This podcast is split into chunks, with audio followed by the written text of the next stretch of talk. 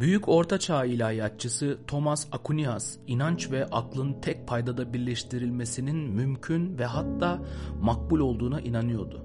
Dinin gerçeklerinin buyurgan olmasına rağmen ona göre Aristocu sorgulayıcı akıl yürütmeyle de elde edilen bilgi de göz ardı edilemezdi.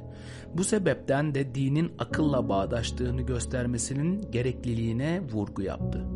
Aquinas'a göre İncil'de belirtilen hakikatlere inanmak için inançtan bağımsız birçok geçerli sebep vardı. Aquinas'ın mantık çerçevesi içinde çalışma arzusuna verilebilecek en iyi örnek Tanrı'nın varlığına hareket, neden sonuç ilişkisi, tesadüf, kusursuzluk ve gaye hakkındaki argümanlar üzerine açıklayan Beş Yöntem adlı kitabıdır.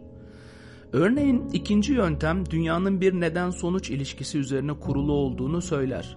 Eğer bir taşı hareket ettirmek için sopa kullanırsam bu sopa taşın elimde sopanın hareket etmesine sebep olacaktır.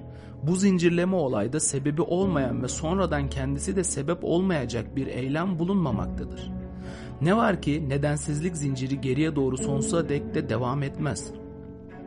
Bir yerden tüm zincirin oluşmasına neden olan sebepsiz bir sebep bulunması zorunludur.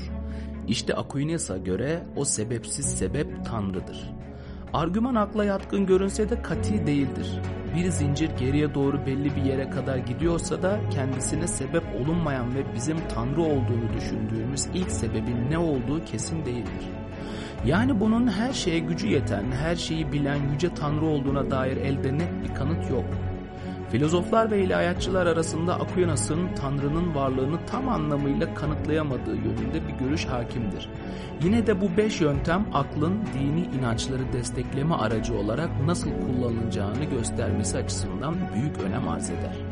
Aquinas'ın akıl yürütmenin bizi doğrudan tanrısal bilgiye şahit kılacağını iddia etmiyor olduğunu belirtmek gerekir fiziksel dünyayı kavrama yetimiz olmasına rağmen Tanrı'yı tam anlamıyla idrak etme konusunda yetimiz çok sınırlı. Dolayısıyla elde etmiş olduğumuz bir bilgi eksiksiz değildir ve o bilgilerde elimize benzeştirme ve yatsıma yoluyla geçmektedir. Aquinas oldukça nüfuslu biriydi. Müritleri olan Tomistler Hristiyan teolojisinin gelişmesinde büyük rol oynamıştır.